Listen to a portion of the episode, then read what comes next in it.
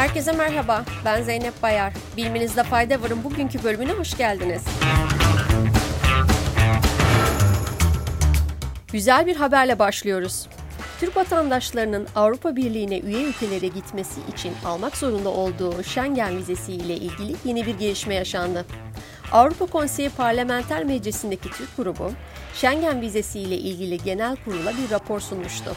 Genel kurul, Schengen vize sisteminde Türk vatandaşlarının vizeyi almasını kolaylaştıran tasarıyı oy çoğunluğuyla kabul ettiğini açıkladı. Avrupa Birliği ile ilgili bir başka haberle devam ediyoruz. Avrupa Birliği Komisyonu'nun genişlemeden sorumlu üyesi Oliver Valhey'i, Bosna Hersek'e aday ülke statüsü verilmesi yönünde görüş bildirdiğini duyurdu. AB'nin Bosna Hersek'i yolsuzlukla mücadele, basın özgürlüğü ve yasal reformlar gibi konularda denetlemeye devam edeceğini belirten Valhey'i, 14 öncelik olarak bilinen maddelerin uygulanmasının önemli olduğunu aktardı.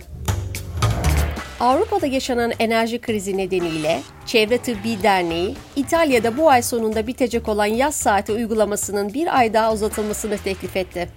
Bu teklifin ardından İtalya genelinde imza kampanyası başlatıldı. Teklifin uygulanması halinde 70 milyon euroluk kar edilmesi bekleniyor. Teknoloji alanında ilginç bir haberle devam ediyoruz. Oxford Üniversitesi'ndeki bilim insanları tarafından üretilen dünyanın ilk robot sanatçısı Ada, İngiltere'de milletvekillerinin sorularını yanıtladı. Ada Lordlar Kamerası'nda yaptığı konuşmada hayatta olmasam da hala sanat yapabilirim şeklinde ilginç bir açıklamada bulundu.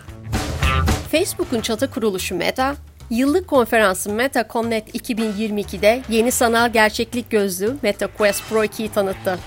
Ürünün yeni özellikleri hakkında bilgi veren Meta, göz izleme teknolojisine sahip olan cihazın yüz ifadelerini ve 360 derecede tüm el hareketlerini algılayabildiğini açıkladı. Bugünlük bu kadar. Yarın görüşmek üzere. Hoşçakalın.